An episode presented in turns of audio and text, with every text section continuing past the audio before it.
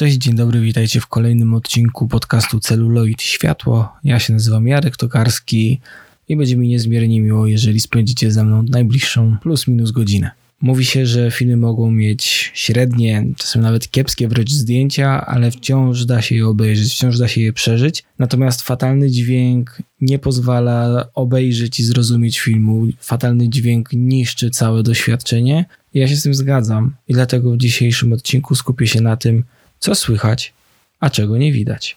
Na sam początek bardzo mocne ostrzeżenie przed spoilerami. Dzisiaj będzie naprawdę dużo spoilerów, y, ale też sceny drastyczne.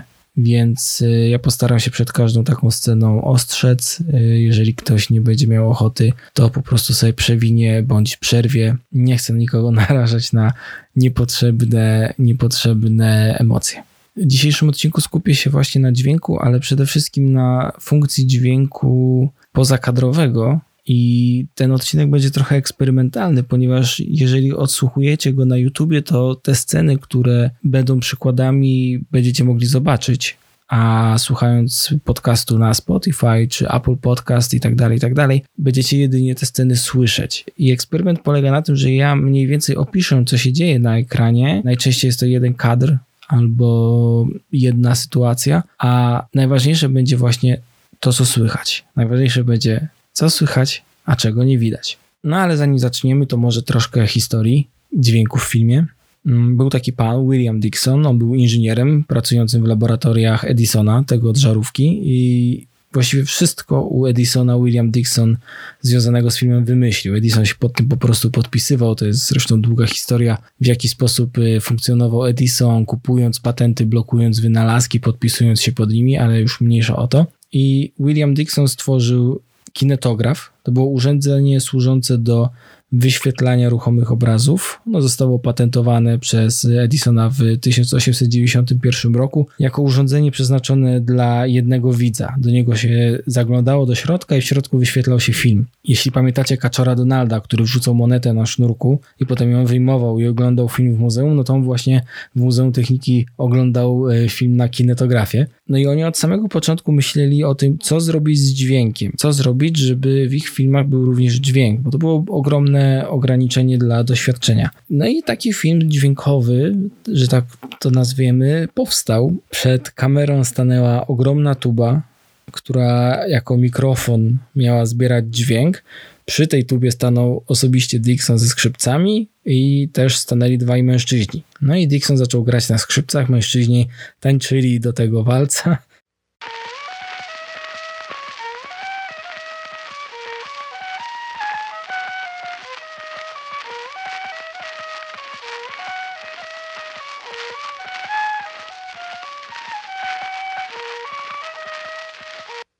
I zarejestrowaną całość trzeba było odtwarzać jednocześnie y, dla synchronizacji. Do zapisu dźwięku użyto innego y, wynalazku, fonografu.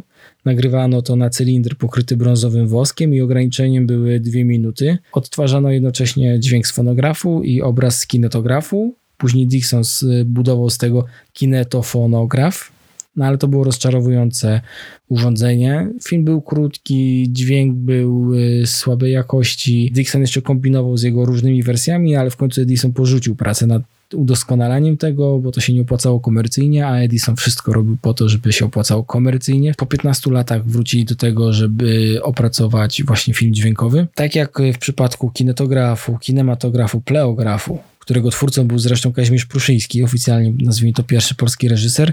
Wariacje urządzeń do zapisywania i odtwarzania filmów z dźwiękiem się mnożyły, no ale żadne wciąż nie pozwalały na zapis obrazu i dźwięku w pełnej synchronizacji na jednym nośniku. To było najważniejsze, że jak to zrobić, żeby i film, i dźwięk zapisały się na jednym nośniku, czyli tak jak teraz y, po prostu to jest zapisywane na taśmie. No wtedy wciąż nie wiedzieli jak, wciąż szukali rozwiązania i wszystko było odtwarzane z dwóch nośników. No i w końcu wynalazcy doszli do tego, że zapis na taśmie i obrazu i dźwięku jest możliwy. Na taśmie obok obrazu zapisywany był pasek magnetyczny z dźwiękiem i on wciąż y, na filmach y, odtwarzanych z taśmy do dziś używa się tej technologii, bo jest ona po prostu najdoskonalsza w kwestii wyświetlania filmu z taśmy. Oficjalnie pierwszym filmem dźwiękowym w formie, jaką znamy, jest śpiewak jazz bandu Alana Crosslanda z 1927 roku, ale najbardziej ten film jest znany chyba też z tego, że Al Jolson grał w nim z twarzą pomalowaną na czarno, typowym blackface. I ten film jest taką ciekawą hybrydą jako film dźwiękowy, bo on nie jest właściwie filmem dźwiękowym przez y, cały metraż. To jest film niemy ze wstawkami dźwiękowymi. Przez większość filmu właściwie są po prostu napisy, tak jak w typowym filmie niemym. Do tego y, mamy sceny śpiewane, właśnie sceny muzyczne, takie epizody w ogóle odcięte trochę od fabuły, po prostu będące tym Alem Jolsonem, który śpiewał na estradzie i wtedy dźwięk był jak najbardziej y, zsynchronizowany i nagrany na planie. Plus jest jeszcze scena, w której y, bohater odwiedza dom rodzinny, on ma tam nadzieję, że spotka się z ojcem, ojciec pozostaje nieubłagany, gdy staje w drzwiach i słyszy syna, który, który tam gra na pianinie, krzyczy stop. I to jest jedyny jakby nagrany dialog, prócz tam jakiejś e, mamroczącej matki dodatkowo. I tyle, I tyle by było filmu dźwiękowego w tym filmie. Czy faktycznie był pierwszym filmem dźwiękowym? Wciąż można e, na ten temat dywagować. W annałach historii kina. On takie miejsce już ma, tak go postawiono, no i tak już się zawsze będzie kojarzył. Ale generalnie zanim kino w ogóle przemówiło w filmie fabularnym, to już o wiele wcześniej mówiło w takich jakby nazwijmy to newsach, takich swego rodzaju kronikach filmowych. Już y, Lee DeForest tworzył fonofilmy, one były pokazywane już w 1922 roku i one były wykorzystywane jako też spoty wyborcze, a od kwietnia 1927 roku w kinach y, można było oglądać tak zwane talking shorts wytwórni Fox, które były po prostu dźwiękowymi aktualnościami, właśnie jako takimi newsami. Między innymi reportaż z pożegnania Lindenberga przed jego samotnym przelotem nad Atlantykiem i powitania go po powrocie, czy przesłania przyjaźni tak zwanego od y, Benito Mussoliniego dla narodu amerykańskiego. No i dlatego film Śpiewak z Jazz Bandu jest jako tako uważany za pierwszy film dźwiękowy, ponieważ jest filmem fabularnym. Mamy aktora, który gra postać i wtedy go słyszymy jak przemawia. Nie jest po prostu dokumentalnym zapisem, zapisem y, dźwięku w filmie. Więc no, tak mi się upiekło i tak już zostanie 1927 rok, Alan Crossland, śpiewak jazz bandu w roli głównej Al Jolson.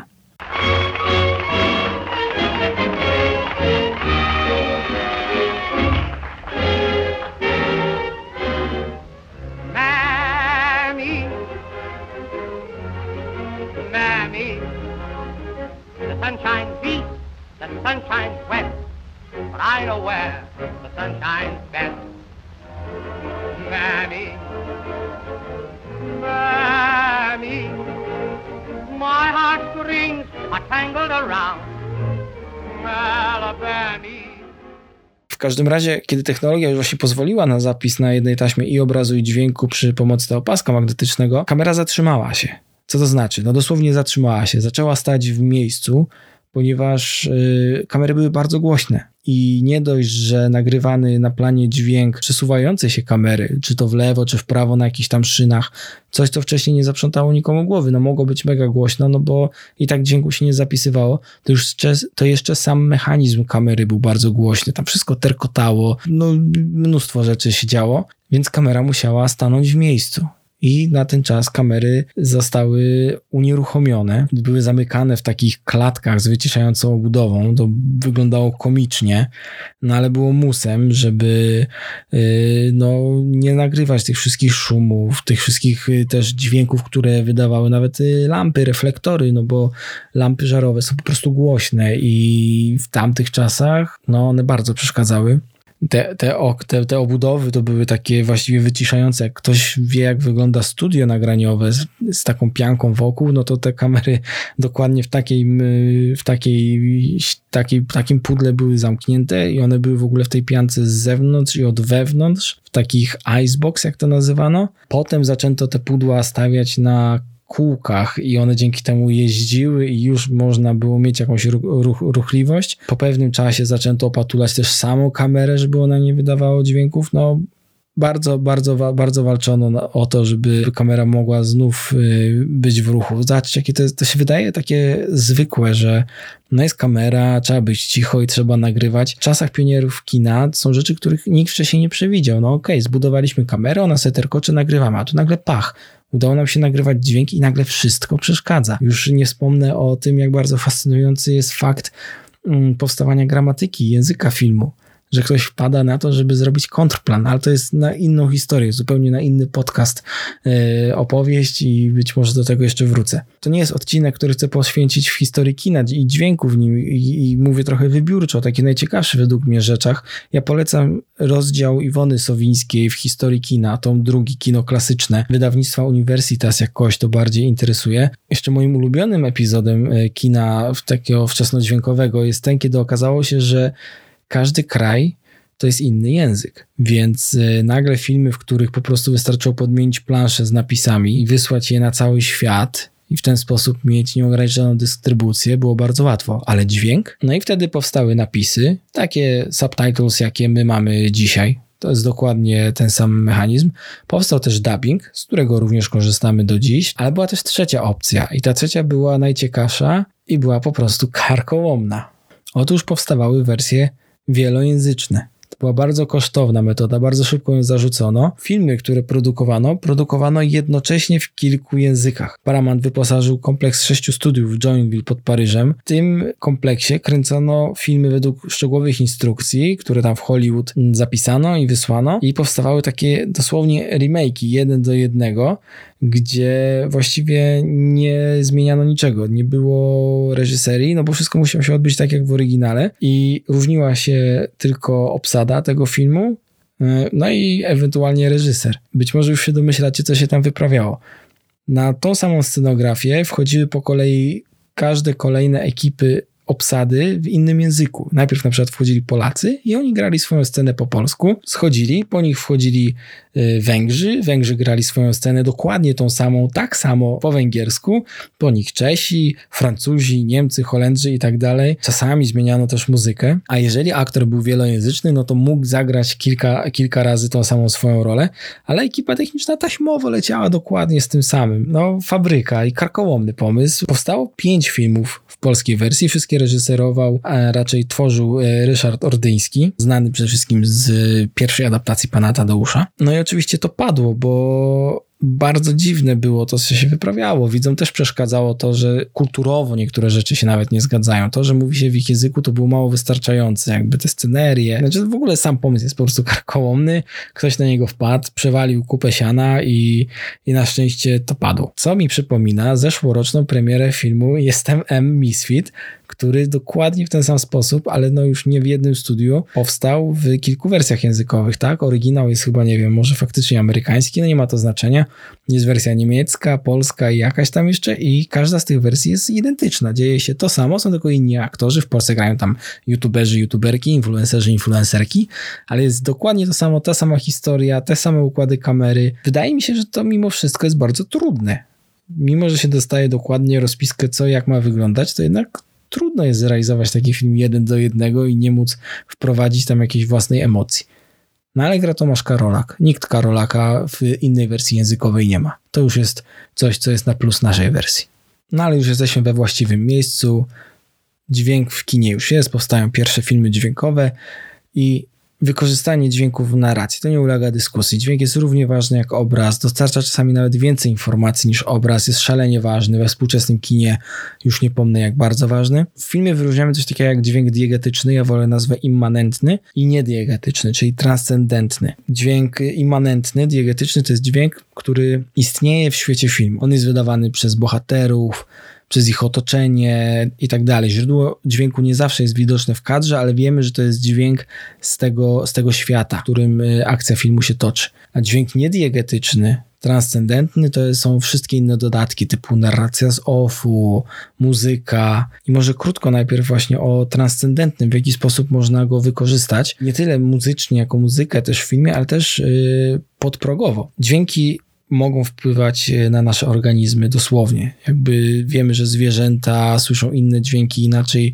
odbierają na przykład burzę, słyszą ją wcześniej, boją się, bo to jest zupełnie inny dźwięk. Głębokie takie pomruki albo wysokie piki dźwięku, one sygnalizują dla nas niebezpieczeństwo, jeśli nie rzeczywiście, no to instynktownie. No i to są właśnie na przykład piski zwierząt, bardzo nas wpływają, krzyki ludzi, inne takie nieliniowe dźwięki, które są nieregularnymi hałasami o dużych długościach fali.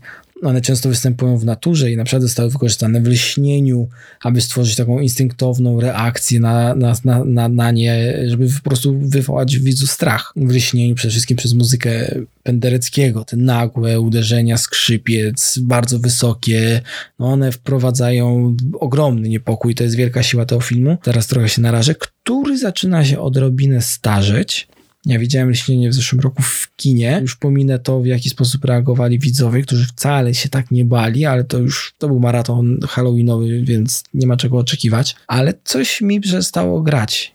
Jakby kiedyś ten film na mnie wpływał niesamowicie, obecnie czuję, jakie to jest wielkie kino, jakie to są naprawdę fantastyczne pomysły, przede wszystkim pionierskie, ale coś tam jest nie tak. To wstawienie muzyki Pendereckiego jest trochę takie od czapy, idące na łatwiznę bo działa jak y, jumpscary, więc troszkę mi to przestało, przestało wszystko grać, ale nie zmienia to faktu, że to jest wielki, świetny film, który przede wszystkim przeraża właśnie w warstwie aktorskiej, narracyjnej, a nie, a nie tej muzycznej. Ona jest już taka straszona, strasząca na siłę. No ale mniejsza o to, to, był, to, było, lata, to było lata temu i, i to jest film, który wpłynął na kolejnych mnóstwo filmów. W każdym razie te, te, te dźwięki są w, gdzieś tam zawsze w zakamuflowane w tym całym y, zapisie filmu.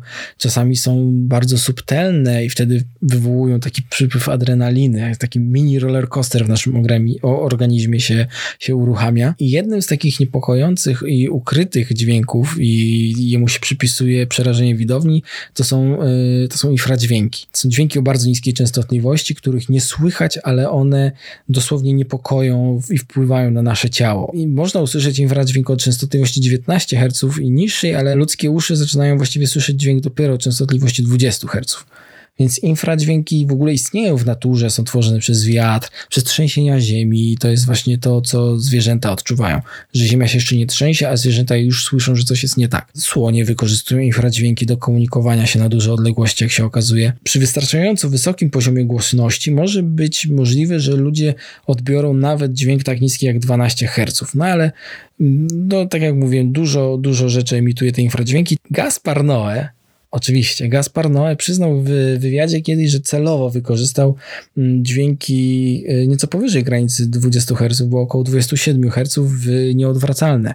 W 2002 roku, na samym początku filmu, w scenie, kiedy bohaterowie wchodzą do klubu Rektum. Tam wszystko się tak buczy, kamera się kręci, podobno ludzie w kan mieli mdłości i tak dalej, i tak dalej.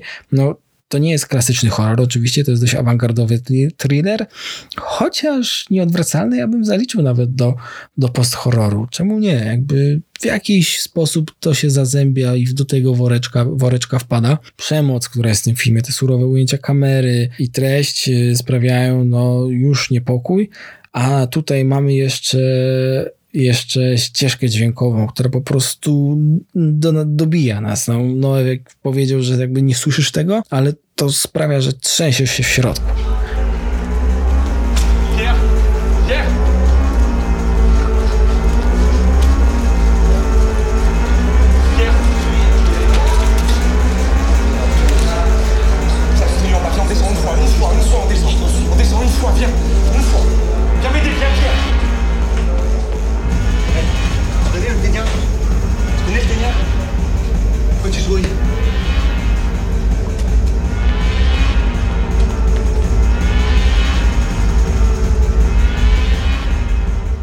Uważał, że w dobrym kinie z dobrym systemem dźwiękowym możemy bardziej bać się dźwięków niż tego, co się dzieje na ekranie.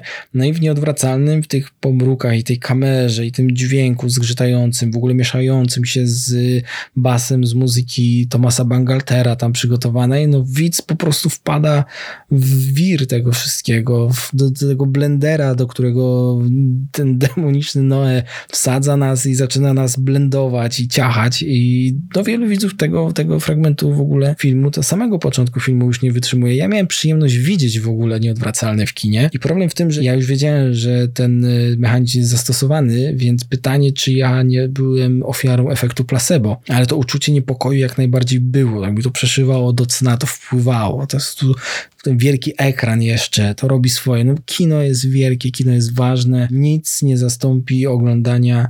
Nie, znaczy, nie mówię, że kino trzeba koniecznie być w kinie, oczywiście, tam jest ekstra, ale można zrobić sobie w warunkach domowych z dużym ekranem, z dobrym dźwiękiem, właśnie ten taki filmowy experience. Nie zastąpi nam tego ekran laptopa czy telefonu, tylko dobrze skalibrowany obraz i dźwięk. Podobnie takie dźwięki też są wykorzystane w Hereditary. One są bardziej słyszalne, bo są właściwie częścią muzyki i one tam też jakby zauważyłem to już w kinie, że kurczę, jest już trzecia czy czwarta scena, a ja ten dźwięk w tle burczący słyszę.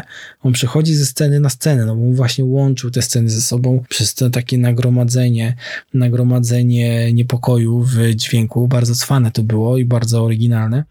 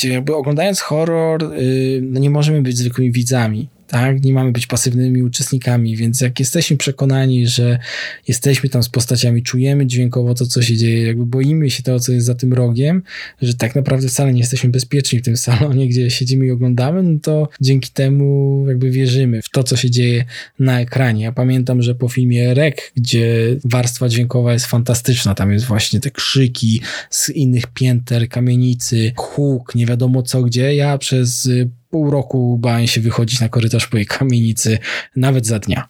A to, co mnie najbardziej interesuje i z czym przychodzę dzisiaj do Was, to jest właśnie dźwięk pozakadrowy, immanentny i sposób, w jaki jest wykorzystywany. Ten dźwięk jest oczywiście podstawą horrorów, no bo to jest to, co najbardziej przeraża. Jakby nie widzisz, ale słyszysz i wyobraźnia zaczyna pracować. Tak jest w Alien. W pierwszym Alienie tylko go gdzieś tam słyszymy, gdzieś tam on biega po tym Nostromo, aż w końcu stajemy z nim twarzą w twarz. Blair Witch Project też świetny przykład na wykorzystanie dźwięku pozakadrowego.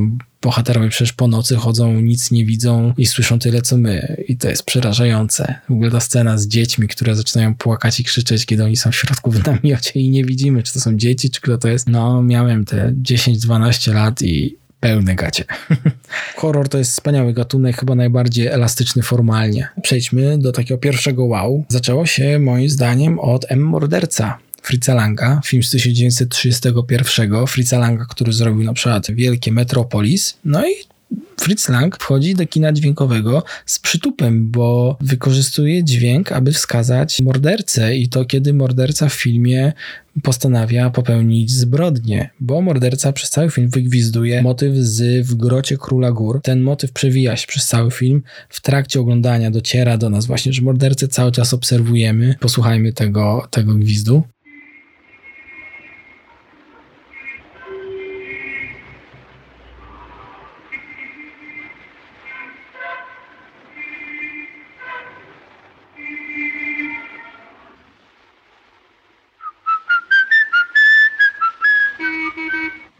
Lang już w swoim filmie użył dźwięku do łączenia scen. Czasem montował dźwięk na zakładkę, używając y, dźwięku pozakadrowego, użył też y, voiceoveru.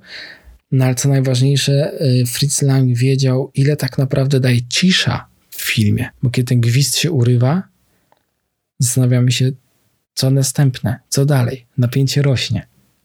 Świetny film, polecam. W ogóle taki fun fact, Peter Lorre, który grał mordercę, bardzo żałował występu w tym filmie, bo ludzie na ulicy brali go za prawdziwego mordercę dzieci.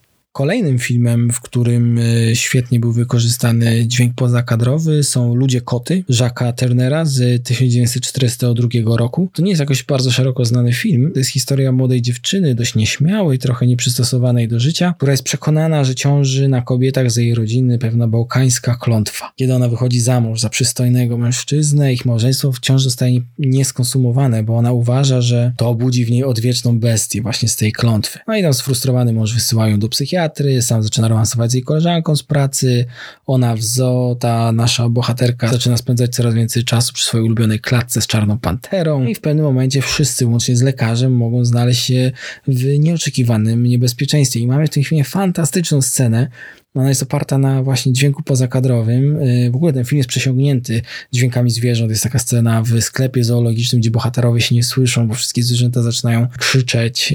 Jeżeli zwierzęta krzyczą, tak to nazwijmy, ze względu na, na niepokój, który zaczynają odczuwać. Wyobraźcie sobie teraz scenę. Widzicie basen, kobietę w wodzie i ściany pomieszczenia tego basenu, gdzie refleksy świetlne z wody na tych ścianach się odbijają. I posłuchajcie.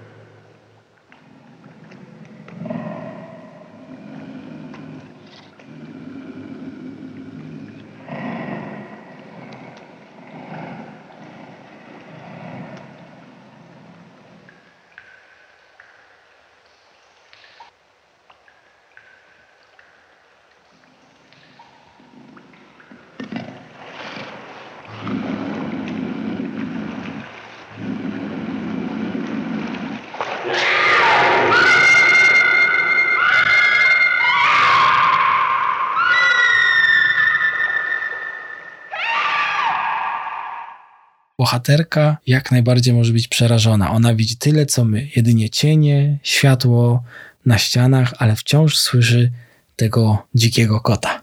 Jest przerażona. Tak jak widz. W ogóle co ciekawe, Paul Schrader, y, twórca scenariusza do przykład Taxi Drivera Martina Scorsese, y, reżyser First Reformed, fantastycznego filmu z Ethan Hawke, y, zremakeował ten film w 1982 roku. Kolejny taki, jeden z moich ulubionych przykładów to jest Pulp Fiction, oczywiście Quentina Tarantino, scena, w której Mia Wallace przedawkowuje. Tutaj w kadrze będziemy mieć umierającą twarz Mia Wallace przez, cały, przez całą scenę.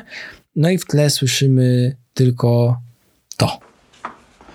All right, Mia. So listen, I gotta go. All right? Oh, Jesus fucking Christ. You f- oh, Jesus Christ. Oh, fuck me. Fuck me. Oh, come on, girl. We're getting out of here. We gotta walk down. Słyszeliśmy, jak Vega wchodzi do pokoju, zaczyna coś do niej mówić, nagle zauważy, że ona przedawkowała i rusza, y, żeby jej pomóc. I teraz będziemy mieć scenę kolejną, w której mężczyzna, do którego Vega dzwoni, nie odbiera telefonu, bo ogląda coś w telewizorze.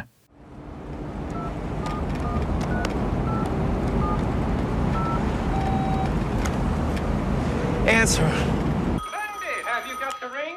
Why, certainly. Join hands, you lovebirds. Uh-uh.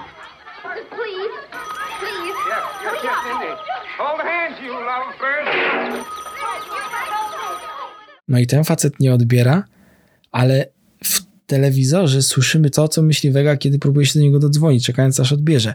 Więc tutaj mamy oprócz tego, że klasyczny dźwięk pozakadrowy, widzimy jedną rzecz, a słyszymy drugą i całą sytuację w tym momencie dopiero e, jesteśmy w stanie pojąć, to jeszcze mamy genialny wow pomysł na to, że mamy tą krótką scenę z telewizorem, która nam e, daje dźwiękowo właśnie znać, co postać w zupełnie innym miejscu w tej chwili sobie myśli. No to jest majstersztyk w wykonaniu Tarantino. Ja u niego lubię właśnie nie te ogólne rzeczy, że jest wielki film albo coś, tylko jakieś takie szalone detale. No ale są też y, sceny w filmach, w których jest jeszcze inaczej, bo jest po prostu ciemny ekran. Jest totalnie ciemno i nie wiemy, co się dzieje, nie wiemy nic i mamy wszystkiego domyślić się z dźwięków. Tak jak w tej scenie znów u Tarantino w Kill Bill.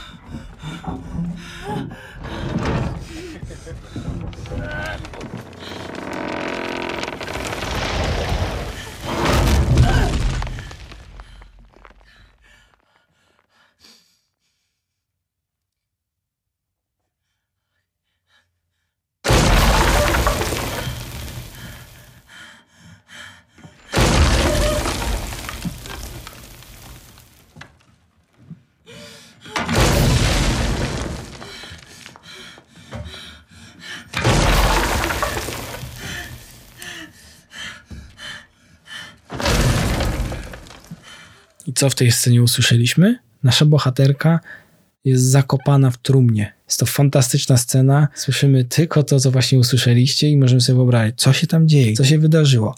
Podobnie e, zrealizowana jest scena w filmie Equilibrium z 2002 roku Kurta Wimera. Całkiem niezłego filmu, zresztą inspirowanego podobno Fahrenheit 451 i 1984. W tej scenie wiemy tylko, że bohater wpada do pomieszczenia, gaśnie światło i słyszymy to.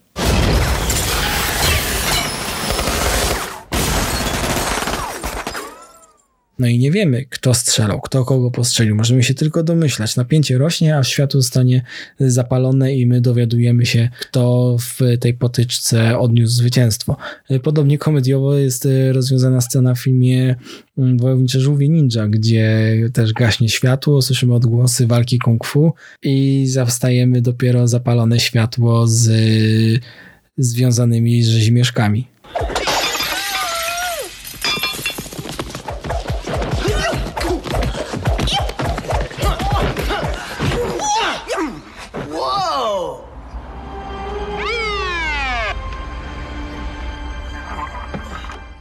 Teraz y, ostrzegam właśnie przed sceną, która no może brzmieć drastycznie.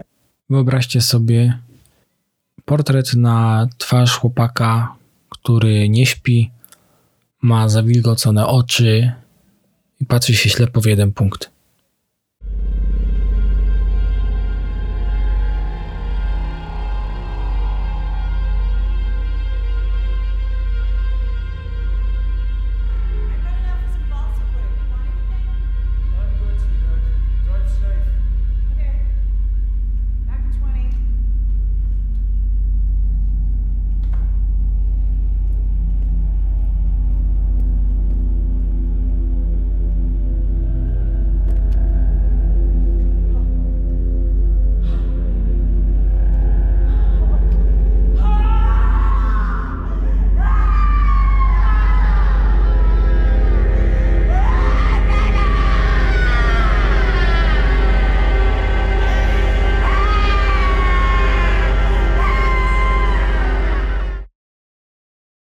To jest scena, w której odczuwamy ogromny niepokój, przerażenie, odczuwamy też ból matki, bo to jest scena, w której matka Annie znajduje bezgłowe ciało swojej córki Charlie na tylnym siedzeniu samochodu, którym wcześniej Peter, czyli chłopak z portretu w kadrze, wrócił do domu po wypadku. Ta scena byłaby fatalna, naprawdę. Moim zdaniem scena byłaby po prostu fatalna, gdyby skupiła się na pokazaniu tej rozpaczy, tego odnalezienia ciała Charlie i pokazania właśnie w jaką rozpacz i, i przerażenie wpada Annie, bo, bo my do tego czasu też nie wiemy, jak naprawdę wygląda to ciało. Nie widzieliśmy od samego momentu wypadku niczego więcej prócz właśnie twarzy Petera, więc to, co w tej scenie rezonuje najbardziej, to te emocje, których nie widzimy naocznie, tylko je słyszymy i możemy sobie tylko wyobrazić, co strasznego dzieje się tam na dole przy tym samochodzie. W ogóle w Hereditary jest fantastyczny dźwięk. Jest świetna dźwiękowa robota, oczywiście nie nagrodzona przez Oscary, no bo przecież to jest horror, nikt nie będzie brał go pod uwagę. W tym filmie są odgłosy stóp po domu, słyszalne, biegające, jakby już na samym początku filmu, czyli kiedy wiemy, że kult już y, w domu jest, ta sekta i że oni cały czas w tym domu są, że nasi bohaterowie nie są sami, a dowiadujemy się o tym wprost dopiero na koniec filmu. Drugim takim bardzo y, powiedzmy strasznym, straszną sceną, też y, zwracam uwagę, że to jest dość straszna scena dźwiękowo, jest na wylot Grzegorza Królikiewicza, polski film z 1973 z w ogóle film, który jest legendarny. To jest film, który w ogóle jest bardzo trudny formalnie w odbiorze, jest zupełnie inny, jest awangardowy wręcz. Grzegorz Królikiewicz w bardzo szokujący film, sposób ten film opowiada. Konstrukcja jest bardzo, bardzo porwana, zmusza do wysiłku intelektualnego, pokazuje jakby tylko to, co chce, uruchamia przestrzeń poza kadrem w tej scenie, w której słyszymy y, morderstwo dokonywane na parze staruszków.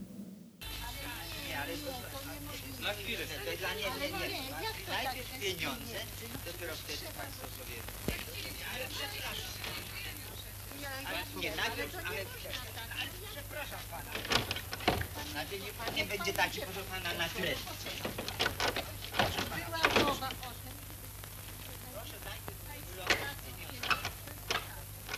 Pani dopiero wtedy. Nie, ale, ale proszę pana, co za na tyle? Powiedziałam, że nie puszczę pana, proszę pana. Weź klucz, Więc ja no nie, nie absolutnie można nie. tak, weź klucz.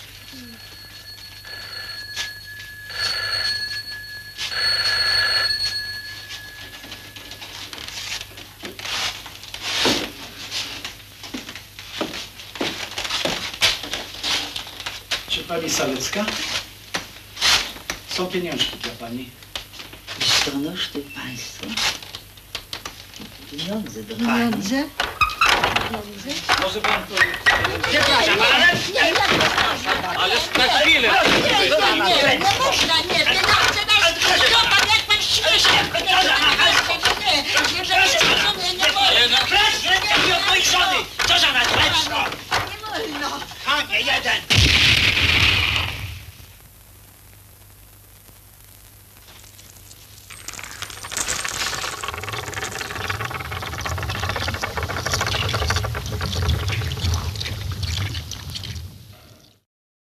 I dopiero po tej scenie następuje wejście do pomieszczenia i kamera pokazuje również w szalony sposób. Są piękne zdjęcia Bogdana Dziworskiego, piękne w sensie, no są szalone formalnie, jakby zupełnie inaczej jest ta kamera ustawiona niż się spodziewamy. Ona się ciągle rusza. Dziworski to jest po prostu mistrz obrazu polskiej historii kina, to jest top topów, fantastyczna postać. No i właśnie na wylot ta przestrzeń pozakadrowa jest wykorzystana do takiego też przerażenia widza, bo jakby wiemy, że tam chyba dochodzi do zbrodni, ale jej nie widzimy, więc możemy sobie tylko wyobrażać, co strasznego się tam dzieje po tych dźwiękach. Cały film zresztą chyba tak ma wyprowadzić widza i wyciągnąć z takiego normalnego życia, żeby, nie wiem, może mm, poczuć się odtrąconym wręcz, tak jak y, czuli się odtrąceni małżonkowie, co sugeruje Tadeusz Lubelski w swojej y, historii kina polskiego. Podsumowując na wylot, Królikiewicz to jest fantastyczny autor, jakby już tak na boku mówiąc, jakby przypadek Pekosińskiego, wielki film. Nie miałem przyjemność z y, Grzegorzem Królikiewiczem, nieżyjącym już niestety, y, mieć zajęcia z analizy filmu i analizowaliśmy Obywatela Keina, który, to już taka anegdota, który zawsze musieliśmy obejrzeć cały przed zajęciami na sali i dopiero wracaliśmy do tej jednej sceny, którą analizujemy. I za następnych zajęciach znów cały Obywatel Kane i analizowanie kolejnych dwóch minut filmu. Mm, Takim też współczesnym przykładem bardzo fajnym e, jest e, piąty odcinek drugiego sezonu serialu Barry i właściwie bijatyki w nim, w której w tej bijatyce dużo rzeczy tak naprawdę widzimy, ale jeszcze więcej słyszymy. Kamera tam bardzo leniwie rozgląda się i pokazuje nam niektóre rzeczy spóźniona, ale już je słyszymy. Posłuchajcie tego fragmentu.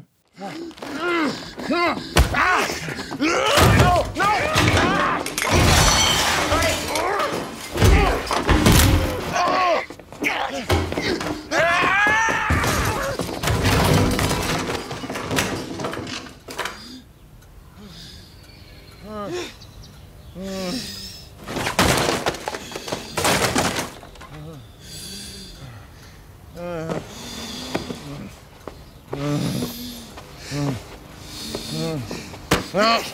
No. Uh, listen, man. Wait, wait. No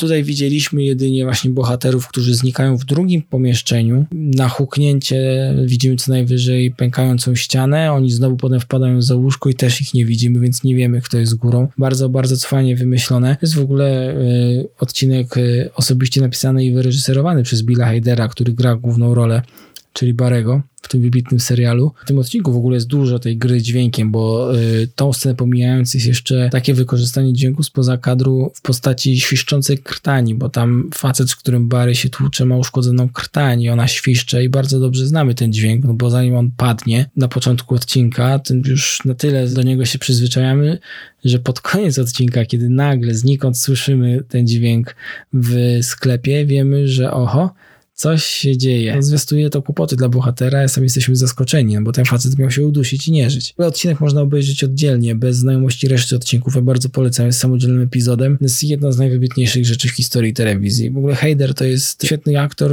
wielki kinoman. Przy rozmowach o tym odcinku Barego on powywał się nawet na Kieślowskiego i znaczeniowość ruchu kamery, no ale to też już jest na inną dyskusję. Też yy, tak podsumowując, jeszcze jest dużo przykładów. Na to eksperymentalnie mam nadzieję, że udało mi się wskazać właśnie to, że jeżeli czegoś nie widzimy, a słyszymy, to czyni scenę lepszą. Podobnie jest przecież w psychozie Hitchcocka, gdzie dźwięk pozakadrowy skrywa tajemnicę, bo bardzo długo jesteśmy pewni, że Norman Bates rozmawia ze swoją matką, te ich rozmowy toczą się w jej pokoju, którego my nie widzimy. Zawsze przysłuchujemy się im za drzwi, tak jak inni bohaterowie. No i dopiero na końcu przecież okazuje się, że mamuśka mm, już od dawna wącha kwiatki od dołu.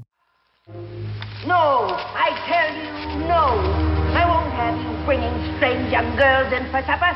By candlelight, I suppose, in the cheap erotic fashion of young men with cheap erotic minds. Mother, please. And then what? After supper, music, whispers. Mother, she's just a stranger. She's hungry and it's raining out. Mother, she's just a stranger. As if men don't desire strangers. As if. Oh, I refuse to speak of disgusting things because they disgust me. You understand, boy? Go on, go tell her she'll not be appeasing her ugly appetite with my food or my son. Or do I have to tell her because you don't have the guts? Huh, boy? You have the guts, boy? Shut up! Shut up!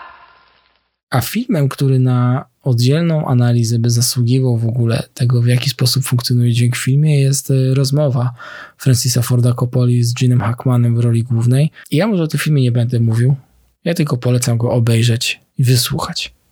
Bardzo Wam dziękuję za ten czas spędzony razem. Mam nadzieję, że rozbudziłem w Was głód szukania dźwięku poza kadrem, przysłuchiwania się. Otworzyłem Wam uszy, a zamknąłem trochę oczy. Chciałem bardzo podziękować Bartkowi Konarskiemu za naprowadzenie na właśnie y, film Ludzie Koty y, i Michałowi Oleszczykowi za również konsultacje i małą dyskusję. Jeżeli są jakieś filmy albo seriale też, które zawierają jakąś ciekawą scenę, w której wykorzystano w ciekawy sposób y, dźwięk pozakadrowy, ale też może po prostu dźwięk. Dajcie znać w komentarzach, w wiadomości, porozmawiajmy o tym, poszukajmy tego. Kino ma już ponad 100 lat i tych filmów powstało mnóstwo, więc bardzo dużo rzeczy jeszcze jest do obejrzenia i do wysłuchania. Dzięki jeszcze raz. y, Subskrybujcie, y, wystawiajcie oceny gdzie się da, bo chyba na Apple i na Google Podcast można wystawić oceny. To zawsze pozwala y, gdzieś tam w algorytmach wyskakiwać bardziej. Szerujcie, dzielcie się ze znajomymi, róbcie sobie odsłuch party, które mam nadzieję nie zmieni się w korona party. I bardzo dziękuję jeszcze raz. Trzymajcie się do następnego.